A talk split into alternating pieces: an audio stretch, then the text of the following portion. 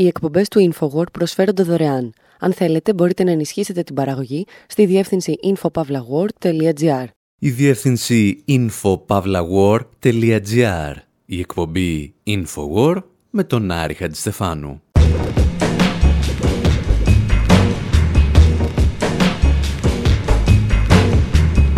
Όπου σήμερα αναζητούμε μπάμπουσκες στο Λος Άντζελες και κρυβόμαστε πίσω από ευτραφείς κυρίους για να μην μας χτυπάει ο ήλιος. Κοιτάζουμε έναν αμερικανικό χάρτη του 1930 και συνειδητοποιούμε ότι ορισμένοι καθόρισαν τότε σε ποιες γειτονιές θα κάνει περισσότερη ζέστη σήμερα. Και ύστερα αναρωτιόμαστε γιατί πέφτουν πάντα τα σπίτια των φτωχών.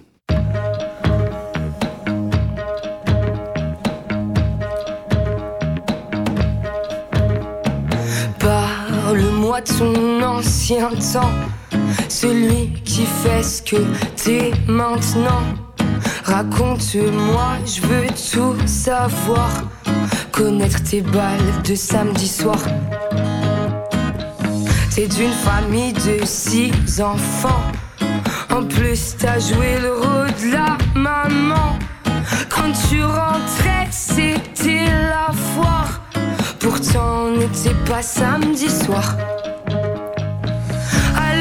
Ce soir, ma poupée russe, ce refrain est pour toi. Dans ton histoire, il y a des plus, pas que des moins babouchka.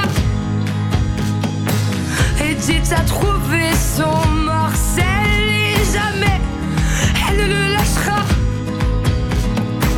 Un mythe, Edith, qu'est-ce qu'elle est belle. Y'a l'oubiotypia. Y'a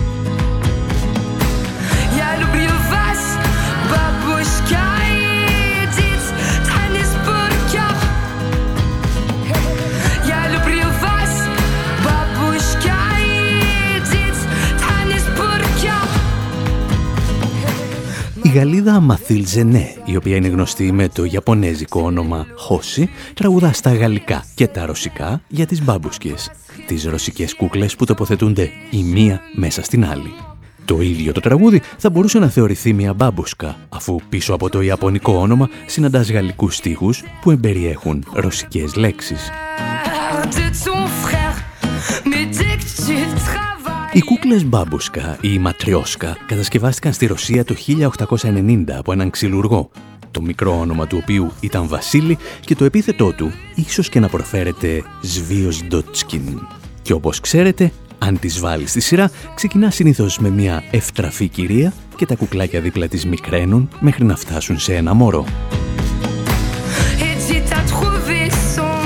Πριν από ένα χρόνο όμως, ένας Αμερικανός δημοσιογράφος, ο Sam Block, είδε μερικούς επιβάτες σε μια στάση λεωφορείου του Λος Άντζελες να αναπαριστούν τις μπάμπουσκες. As the sun rises in Los Angeles, a handful of passengers wait for a downtown bus in front of Tony's barber shop on an exposed stretch of Καθώς ο ήλιο ανατέλει στο Λος Άντζελες, μια χούφτα επιβάτες περιμένουν το λεωφορείο για το κέντρο της πόλης μπροστά στο κουρίο του Τόνι, κοντά στον αυτοκινητόδρομο της Πασαντίνα. Στέκονται ο ένας πίσω από τον άλλο σαν κούκλες μπαμπούσκα, ακίνητοι και ήσυχοι, στη σκιά που ρίχνει το άτομο στην κορυφή της σειράς. Θα είναι άλλη μια ζεστή μέρα και οι επιβάτες σε όλη την πόλη κρύβονται πίσω από ταμπέλες και τηλεφωνικούς στήλους.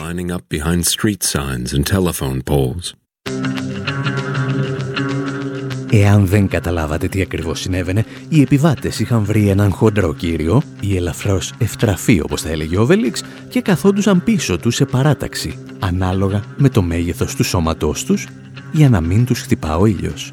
Και αν πιστεύετε ότι αυτή η παρατήρηση δεν έχει θέση σε μια εκπομπή που αναζητά πάντα τις πολιτικές και ταξικές προεκτάσεις των γεγονότων, κάνετε λάθος. Γιατί όλα σε αυτή την ιστορία καθορίζονται από το εισόδημα των αφανών ηρώων της.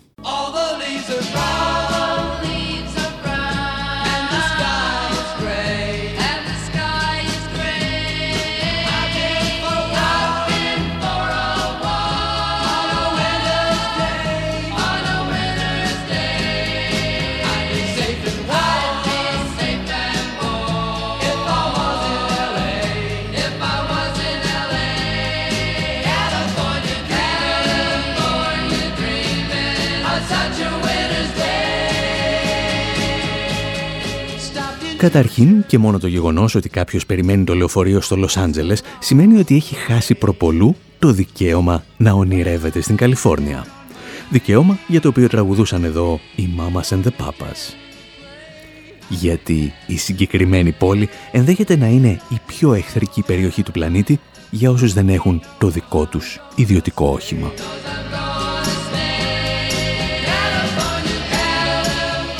Η σκηνή που περιγράφουμε όμως έχει και ένα δεύτερο ταξικό χαρακτηριστικό που μας καλεί να το ερευνήσουμε.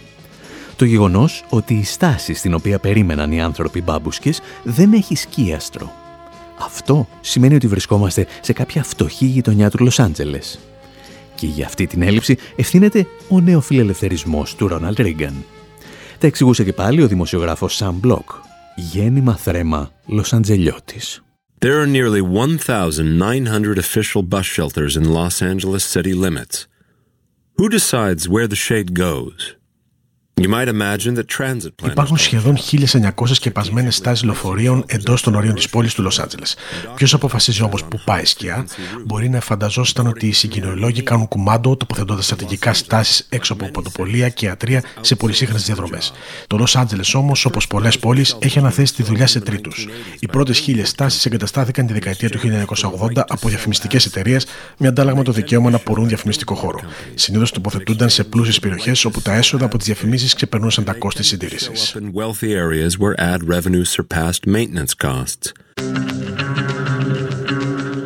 Ο νεοφιλελευθερισμός του Ρίγκαν λοιπόν αποφάσισε ότι ακόμη και οι στάσεις των λεωφορείων πρέπει να ανήκουν σε κάποια εταιρεία. Και αυτή η εταιρεία αποφάσισε ότι θα τοποθετεί προστατευτικές κατασκευές για τους επιβάτες μόνο εκεί όπου αξίζει να βάζει και διαφημίσεις, δηλαδή στις πιο εύπορες περιοχές της πόλης. Το σχήμα είναι το εξής. Ένας φτωχός κάθεται σε μια στάση και ένας πλούσιος περνά με το αυτοκίνητό του και βλέπει τις διαφημίσεις. Αν δεν υπάρχει πλούσιος στην περιοχή, δεν θα υπάρχει και στέγαστρο στη στάση. Οπότε τον φτωχό θα τον φάει ο ήλιος. Οι φτωχοί του Λος Άντζελες λοιπόν, αλλά και δεκάδων ακόμη πόλεων στις Ηνωμένες Πολιτείες, δεν έχουν στον ίσκιο μοίρα. Και οι στάσεις των λεωφορείων είναι ίσως το τελευταίο τους πρόβλημα. Γιατί όπως θα δούμε, η γενικότερη έλλειψη ίσκιου έχει αρχίσει να τους σκοτώνει μαζικά.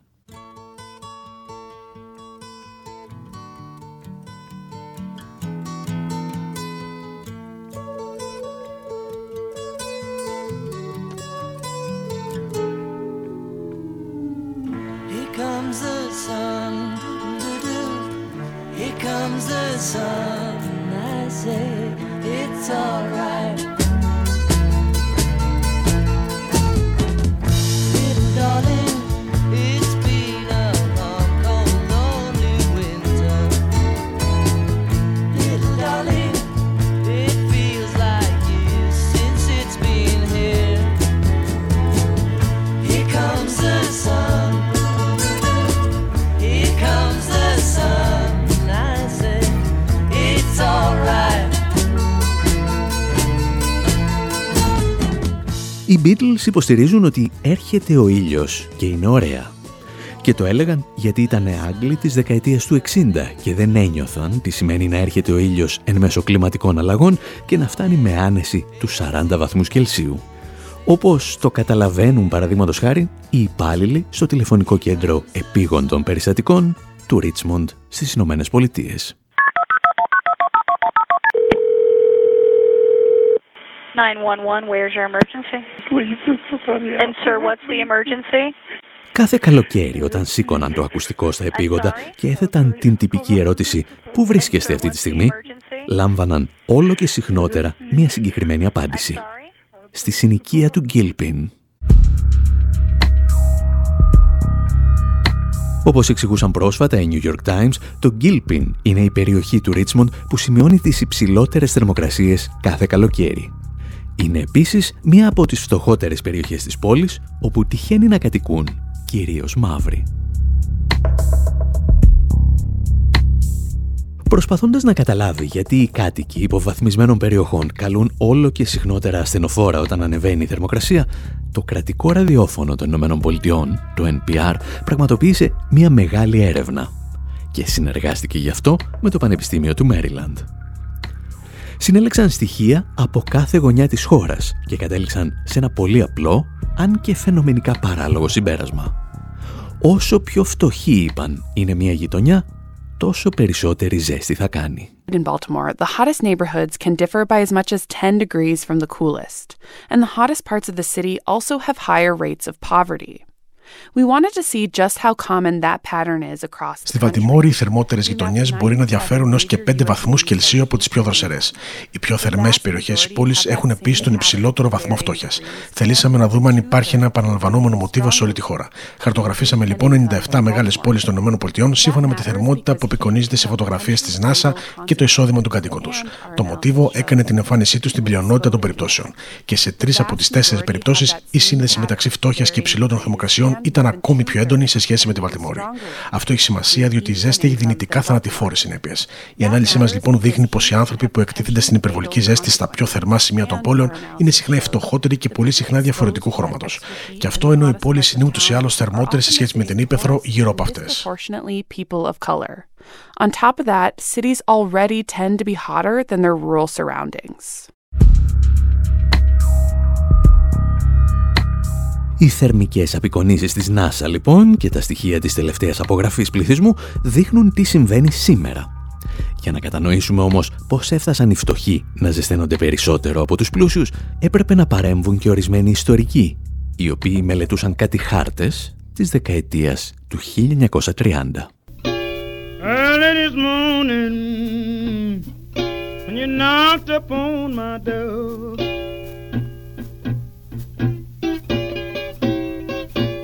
this morning. Ooh, he knocked upon my door.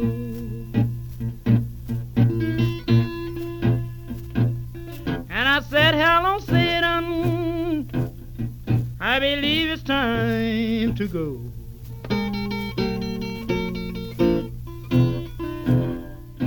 Πριν από περίπου πέντε χρόνια, πανεπιστήμια στις Ηνωμένες Πολιτείες άρχισαν να ψηφιοποιούν τους πολεοδομικούς χάρτες της δεκαετίας του 30 και έπεσαν πάνω σε ένα φαινόμενο που ονομάζεται redlining.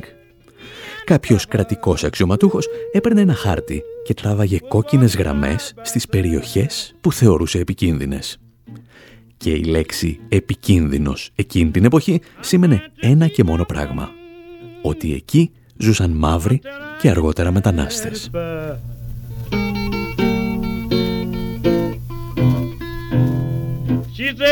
Οι περιοχές που βρίσκονταν μέσα στις κόκκινες γραμμές σταματούσαν να λαμβάνουν επιδοτήσεις από την Ομοσπονδιακή Κυβέρνηση αλλά και εγγυήσεις για ενυπόθηκα δάνεια. Σχεδόν κάθε επένδυση προς τη συγκεκριμένη γειτονιά διακοπτόταν και αυτό, μεταξύ πολλών άλλων, σήμαινε ότι κανείς δεν έφτιαχνε πάρκα και κυρίως δεν φύτευε δέντρα στα πεζοδρόμια.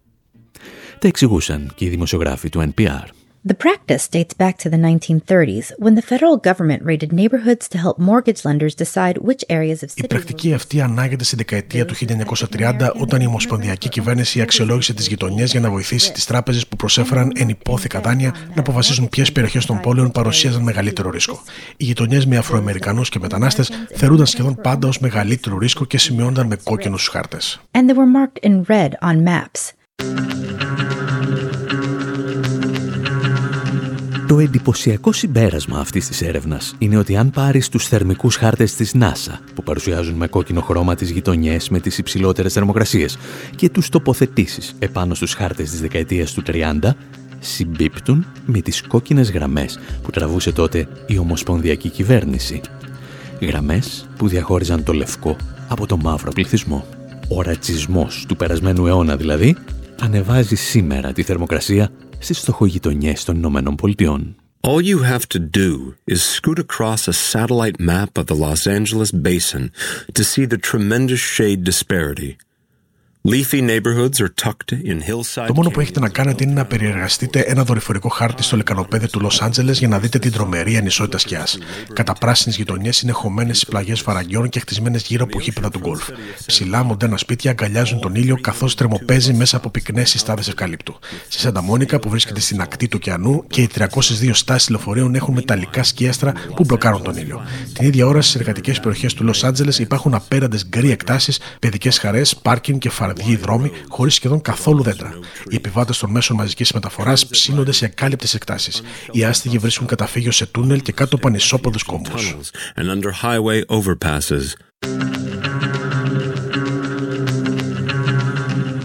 Σε ορισμένες από αυτές τις περιοχές των ΗΠΑ οι διαφορές στη θερμοκρασία μεταξύ των φτωχών και των πλουσίων μπορεί να ξεπερνούν και τους 10 βαθμούς Κελσίου. Είναι δηλαδή η διαφορά ανάμεσα σε μια πολύ ζεστή μέρα και στην κόλαση του δάντη. Και αν νομίζετε ότι αυτά είναι απλώς στατιστικές, το NPR μας θυμίζει ότι μιλάμε για ανθρώπινες ζωές. Το καλοκαίρι του 2018 στη Βαλτιμόρη η θερμοκρασία έφτασε για πολλές ημέρες στους 40 βαθμούς Κελσίου και οι κλήσεις πρώτων βοηθειών για πιθανώς θανατηφόρα επεισόδια θερμοπληξίας αυξήθηκαν δραματικά.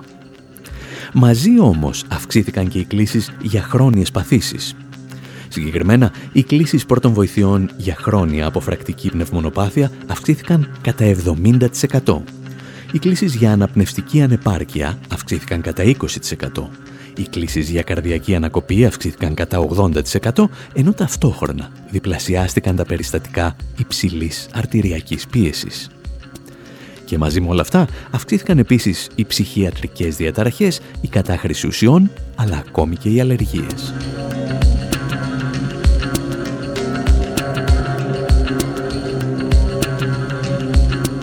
Και τώρα που ζεσταθήκατε, μένετε εδώ, γιατί στο δεύτερο μέρος της εκπομπής θυμόμαστε ότι αν η μοίρα σε φέρει να ζήσεις σε φτωχογειτονιά, το να πεθάνεις από θερμοπληξία ίσως και να είναι τελικά το πιο θετικό σενάριο γιατί μερικές φορές πέφτει και ο ουρανός και σε πλακώνει.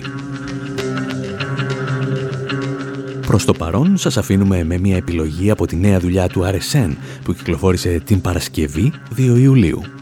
Εδώ με τους Κιλόμπο και τον MC Yinga. Θα επιστρέψουμε σε αυτή τη δουλειά, αλλά μπορείτε να μάθετε περισσότερα και στη σελίδα μας info.pavlawar.gr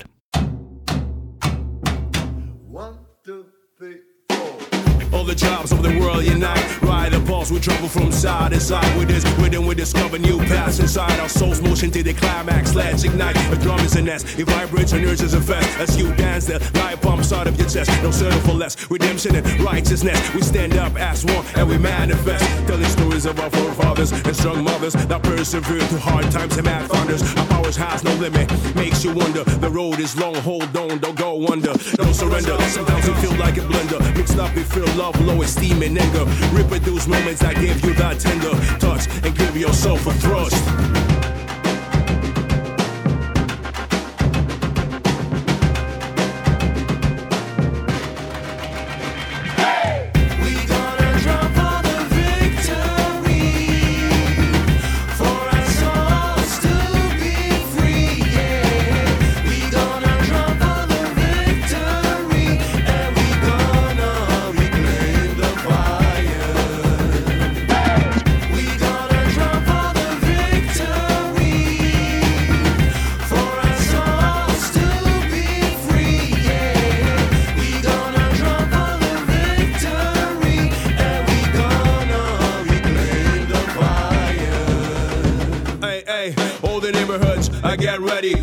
On your roads, the bass drums are heavy. Full in effect, live and direct, we so steady. Part of it, parade, we breaks, not all so dirty. Luminous, sound trill, cause we live in this. The struggle, the pain in the state that's so venomous. The Christ with politicians, so treacherous. Solidarity, hope serves us as stimulus. I'm rhyming for the new era for every single endeavor. The mix of lovely Huberta from the suburbs to the center. We have to go when we enter like fighters on the arena for the fields to be greener and the people. Reclaim yourselves the street for the people.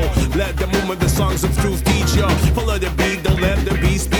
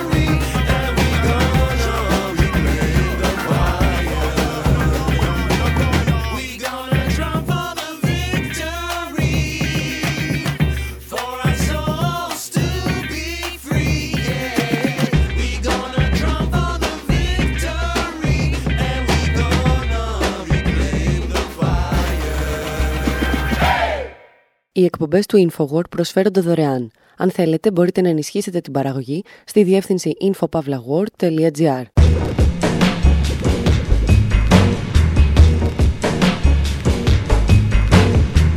Εκπομπή InfoWord, μέρος δεύτερο. Όπου αναρωτιόμαστε γιατί όταν πέφτει ο ουρανός στα κεφάλια μας, σκοτώνονται μόνο οι φτωχοί. Με αφορμή την κατάρρευση ενός κτίριου στο Μαϊάμι, όπου ακόμη αγνοούνται δεκάδες άνθρωποι, θυμόμαστε ότι δεν υπάρχουν φυσικές καταστροφές. Ποτέ δεν υπήρχαν.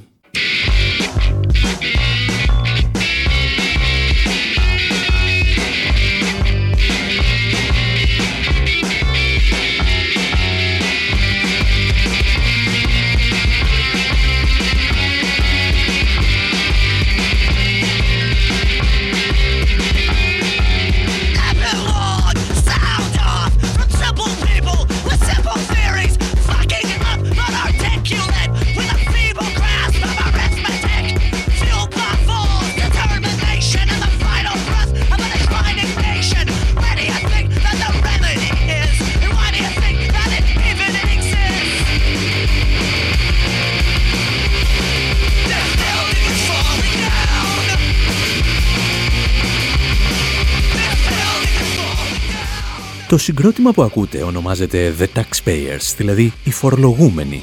Και το τραγούδι μας ενημερώνει με όχι και τόσο ευγενικό τρόπο ότι το κτίριο στο οποίο ζούμε καταραίει. Μιλούν επίσης για ένα ολόκληρο έθνος που πέφτει μαζί του και αναρωτιούνται τι θα μπορούσε να αποτρέψει την καταστροφή. Σκέψεις δηλαδή που ήρθαν στο μυαλό όλων μας πριν από μερικές ημέρες όταν σημειώθηκε ένα από τα πιο τραγικά δυστυχήματα στην πρόσφατη ιστορία των Ηνωμένων Πολιτειών. Μια πολυόροφη πολυκατοικία κατέρευσε κοντά στο Μαϊάμι της Φλόριντας, αφήνοντας τα σωστικά συνεργεία να αναζητούν 150 ανθρώπους στα χαλάσματα. Από πολύ νωρίς, αρκετοί επιστήμονες άρχισαν να αναρωτιούνται εάν η κατάρρευση μπορεί να επιταχύνθηκε από την κλιματική αλλαγή. Καθώς το επίπεδο των υδάτων ανεβαίνει, αρχίζει να καταστρέφει τα θεμέλια, τα οποία δεν είναι πάντα προετοιμασμένα να αντέξουν για πολλές δεκαετίες το αλμυρό νερό της θάλασσας. Και όπως εξηγούσε ο Harold Wellness, καθηγητής γεωγραφίας στο Πανεπιστήμιο του Μαϊάμι, σε μερικές δεκαετίες το νερό θα έχει καλύψει όλες τις παράκτιες περιοχές του Μαϊάμι.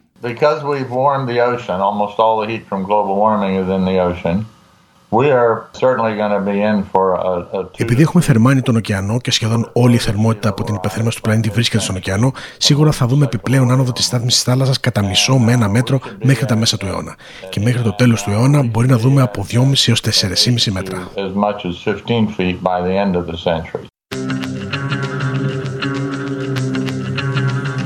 Να υποθέσουμε λοιπόν ότι ύστερα από 30 χρόνια θα αρχίσουμε να βλέπουμε μαζικές καταρρεύσεις πολυκατοικιών σε παράκτιες περιοχές; Η απάντηση είναι όχι ακριβώς. Τα κτίρια που θα καταραίουν θα είναι μόνο αυτά των φτωχών. Γιατί, όπως εξηγούσε η Amy Goodman του Democracy Now, η πολυκατοικία που κατέρευσε αντιμετώπιζε εδώ και χρόνια σημαντικά προβλήματα. Οι ένοικοι της όμως δεν είχαν ούτε την πολιτική ούτε την οικονομική ισχύ για να διαμαρτυρηθούν ή να φύγουν από αυτή την πολυκατοικία. A 2018 inspection found the building had abundant cracking and spalling in its foundation with engineers pointing to design flaws. Έλεγχος που πραγματοποιήθηκε το 2018 έδειξε πως το κτίριο είχε πολλές ρογμές και θερματισμό στα θεμέλια του, με τους μηχανικούς να εντοπίζουν τα λάθη στο σχεδιασμό και την ανεπαρκή στεγανοποίηση.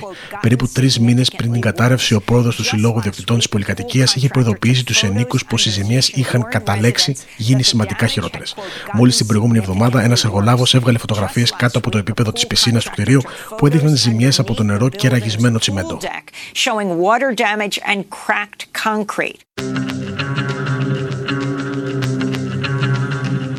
Η περίπτωση του Μαϊάμι έρχεται να μας υπενθυμίσει δύο βασικές αρχές για τις σχέσεις μας με τη φύση, τις οποίες δεν πρέπει να ξεχνάμε ποτέ. Καταρχήν, ότι δεν καταστρέφουμε τον πλανήτη. Αυτός θα είναι στη θέση του για εκατομμύρια χρόνια ακόμη. Αυτό που καταστρέφουμε είναι οι συνθήκες οι οποίες μας επιτρέπουν να ζούμε σε αυτόν τον πλανήτη. παράγωγο αυτής της σκέψης είναι και το γεγονός ότι δεν υπάρχουν φυσικές καταστροφές. Για να το εξηγήσουμε όμως αυτό θα χρειαστούμε τη βοήθεια των R.E.M. Και για να μην σας ζεστάνουμε περισσότερο, δεν θα πάρουμε το παράδειγμα ενός καύσωνα, αλλά μίας καταιγίδας.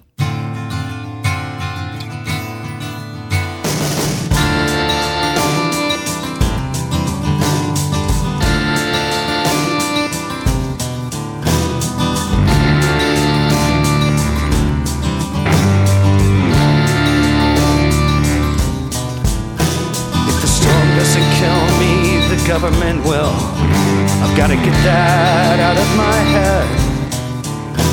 It's a new day today and the coffee is strong. I finally got some rest. So a man's put to task and challenges.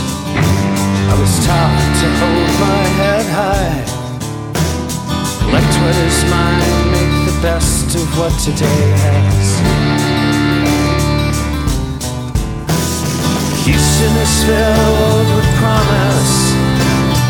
Laredo's a beautiful place. Galveston sings like that song that I love. Its meaning has not been erased.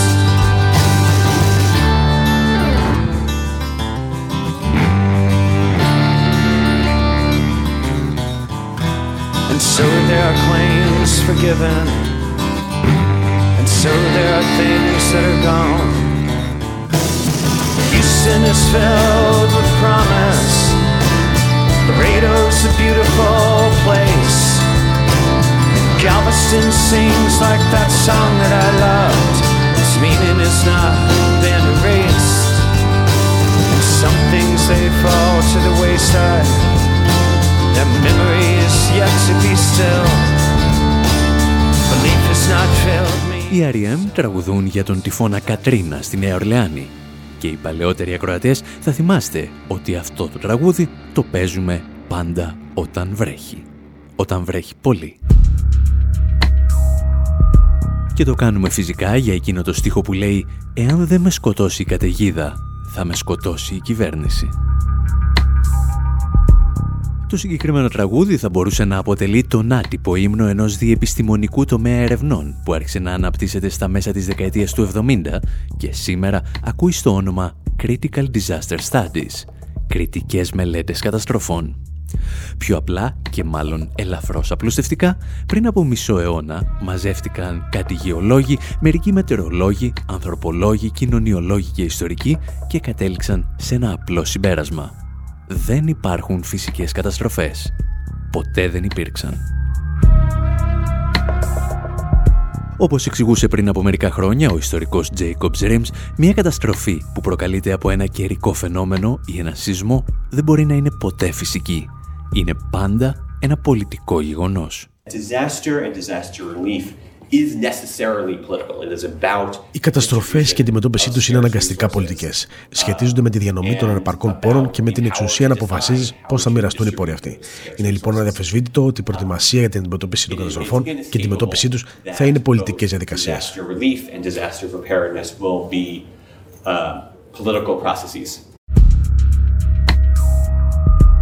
Για να καταλάβουμε καλύτερα τι εννοεί ο Jacobs Rims, αρκεί να φανταστούμε την χειρότερη καταιγίδα που έχει καταγραφεί στην ανθρώπινη ιστορία.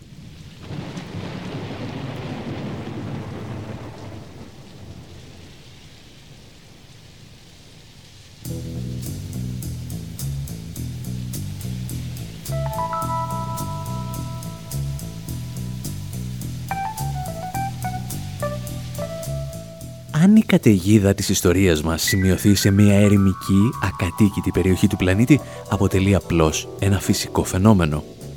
Εάν η ίδια καταιγίδα σημειωθεί στο Μανχάταν και πέσει καμιά ταμπέλα, ίσως να μιλήσουμε για υλικές ζημιές που προκλήθηκαν από ακραία καιρικά φαινόμενα.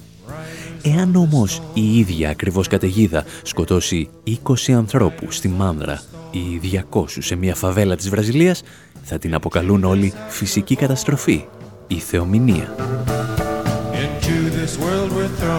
Και αν είμαστε και τίποτα κυβερνητικοί, θα την πούμε πρωτοφανή φυσική καταστροφή χωρίς ιστορικό προηγούμενο.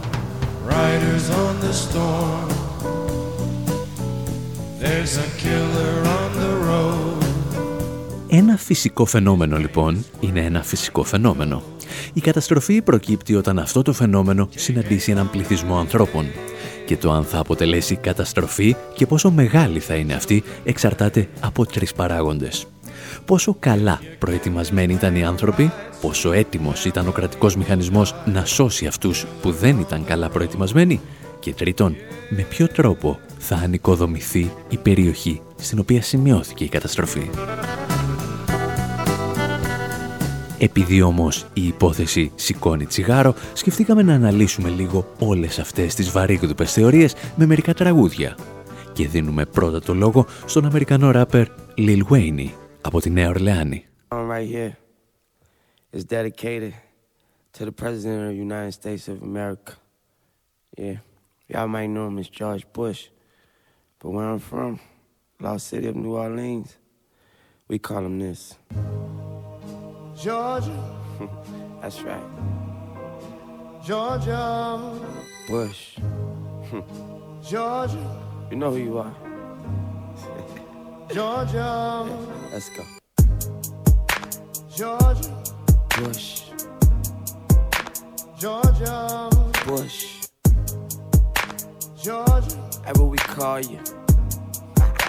Gangsta Brazil, nah, this song dedicated to the one with the suit. Thick white skin and his eyes bright blue. So called beef with you know who. Fuck it, he just let him kill all our troops. Look at all the bullshit we been through. Had a nigga sitting on top their roofs. Hurricane Katrina, we should've called it Hurricane. Georgia. Bush. Then they telling y'all lies on the news. The white people smiling like everything cool. But I know people that died in that pool. I know people that died in them schools.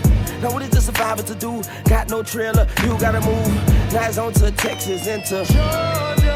They tell you what they want, show you what they want you to see, but they don't let you know what's really going on. Make it look like a lot of stealing going on. Boy, them cops is killers in my home. Nigga shot dead in the middle of the street. I ain't no thief, I'm just trying to eat. Man, fuck the police and President Georgia Bush. So what happened to the levees? Why wasn't they steady? Why wasn't they able to control this? I know some folk that live by the levee that keep on telling me they heard explosions. Same shit happened back in Hurricane Basin in 1965. I ain't too young to know this. That was President Johnson, but not is Georgia Bush. We from a town where everybody drowned in, everybody died, but baby, I'm still praying with you. Everybody cried, but ain't nobody tried. There's no doubt on my mind. It was Georgia bush. We from a town where everybody drowned in, everybody died, but baby, I'm still praying with you. Everybody crying, but ain't nobody trying. There's no doubt on my mind. It was nah. Ο Lil Wayne αναλύει τα τρία στάδια μιας καταστροφής που μπορεί να επέλθει όταν ένα φυσικό φαινόμενο συναντά έναν πληθυσμό ανθρώπων. Και όπως θα έκαναν και οι επιστήμονες από το χώρο του Critical Disaster Studies, χρησιμοποιεί ως case study τη Νέα Ορλεάνη. Γεννήθηκα, λέει, στην πινέζα του χάρτη και αναφέρεται φυσικά στις συνοικίες της Νέας Ορλεάνης που υπέστησαν τις σημαντικότερες καταστροφές από το πέρασμα του τυφώνα Κατρίνα. Το νερό κατέστρεψε τις πιο φτωχές περιοχές όπου ζούσε ο μαύρος πληθυσμός γιατί δεν μπορούσε να ζει οπουδήποτε αλλού. Τα φράγματα είχαν εγκαταλειφθεί στην τύχη τους, γιατί κανένα στην περιοχή δεν είχε την οικονομική και κοινωνική ισχύ να ζητήσει τη συντήρησή τους. Παρ' όλα αυτά, σε μια καταστροφή συνηθίζουμε να κατηγορούμε πρώτα τους κατοίκους που πήγαν λέει και έχτισαν τα σπίτια τους σε μια επικίνδυνη περιοχή Λες και αν είχαν την οικονομική δυνατότητα δεν θα τα έχθιζαν σε μια ασφαλή περιοχή. Το να κατηγορήσει έναν φτωχό επειδή ζει σε ένα επικίνδυνο σπίτι, έλεγε πριν από μερικά χρόνια ο Τζέικοπ Ρέμς, είναι σαν να κατηγορείς μια γυναίκα επειδή την κακοποιεί ο σύντροφός της, ενώ αυτή για οικονομικούς και κοινωνικούς λόγους δεν μπορεί να τον εγκαταλείψει.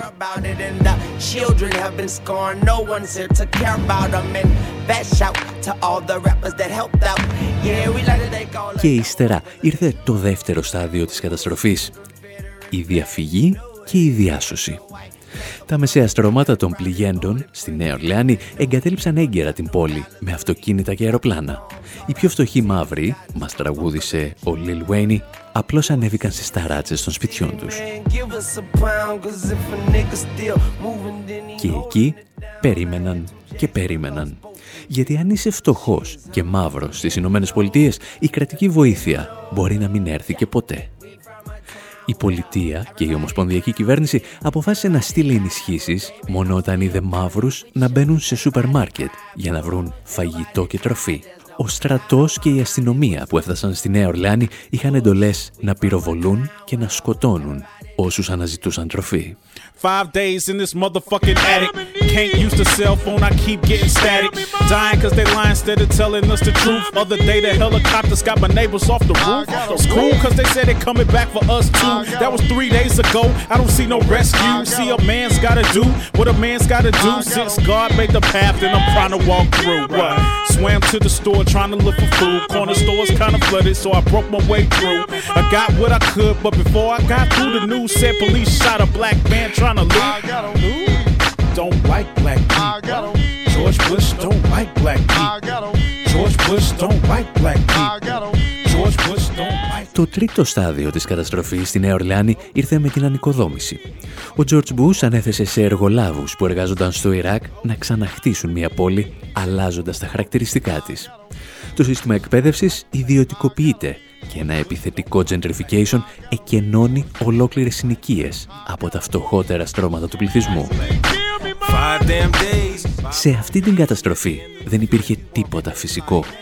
Τα φράγματα του Μισισιπή έσπασαν γιατί κανείς δεν τα συντηρούσε, αφού προστάτευαν μόνο φτωχούς μαύρους, τους οποίους στη συνέχεια άρχισε να πυροβολεί ο στρατός και η αστυνομία και τελικά τους έδιωξαν οι εταιρείες real estate, τις οποίες επέλεξε ο πρόεδρος των Ηνωμένων Πολιτειών της Αμερικής.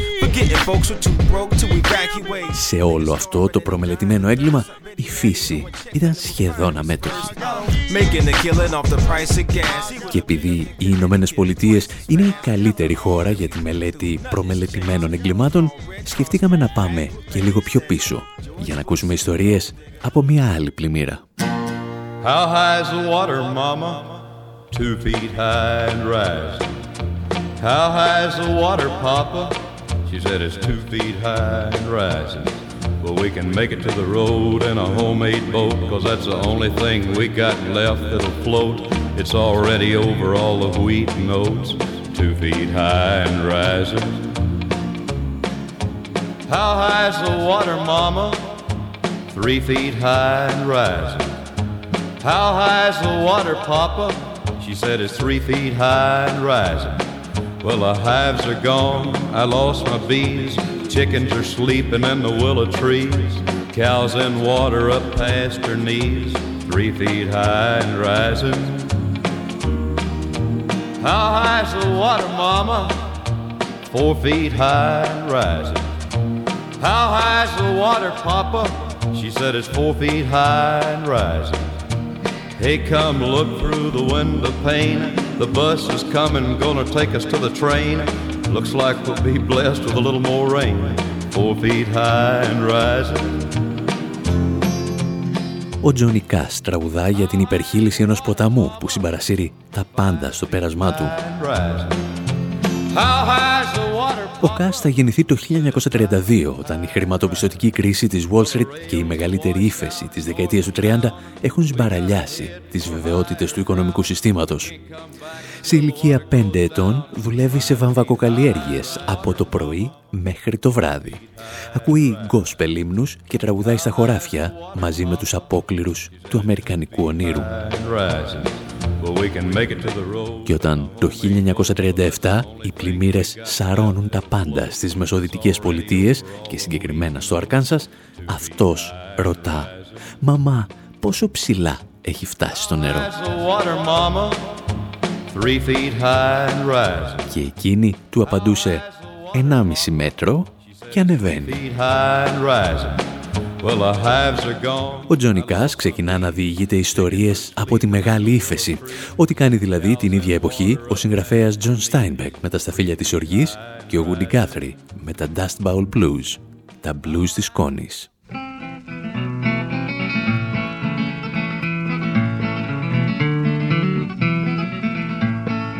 Back in 1927, I had a little farm and I called that heaven. Well, the price is up and the rain come down and I hauled my crops all into town. I got the money, bought clothes and groceries, fed the kids, and raised the family.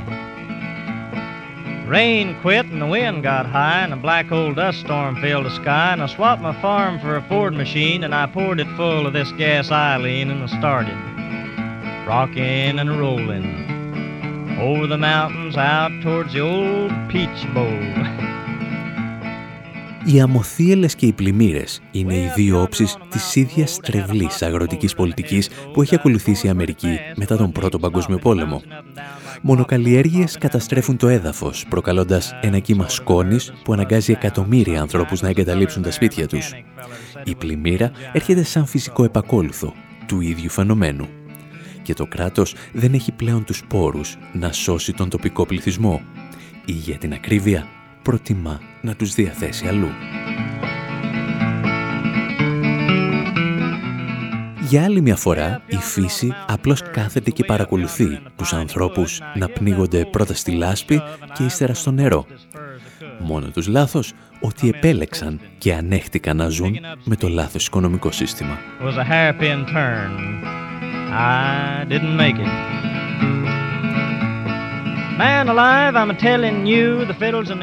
Την επόμενη φορά λοιπόν που θα ακούσετε να μιλάνε για φυσικές καταστροφές, να τους πείτε ότι δεν υπάρχει τίποτα φυσικό σε μια καταστροφή. Δεν υπάρχει τίποτα φυσικό στο ότι τα περισσότερα θύματα των καταστροφών σε όλο τον πλανήτη είναι συνήθως φτωχοί και μέλη εθνικών και φιλετικών μειονοτήτων. Ένας τυφώνας ή ένας σεισμός δεν μπορεί να είναι ρατσιστής ή να μισεί τους φτωχούς. Κάποιος άλλος τους μισεί και τους άφησε εκτεθειμένους στη διαδρομή αυτών των φυσικών φαινομένων.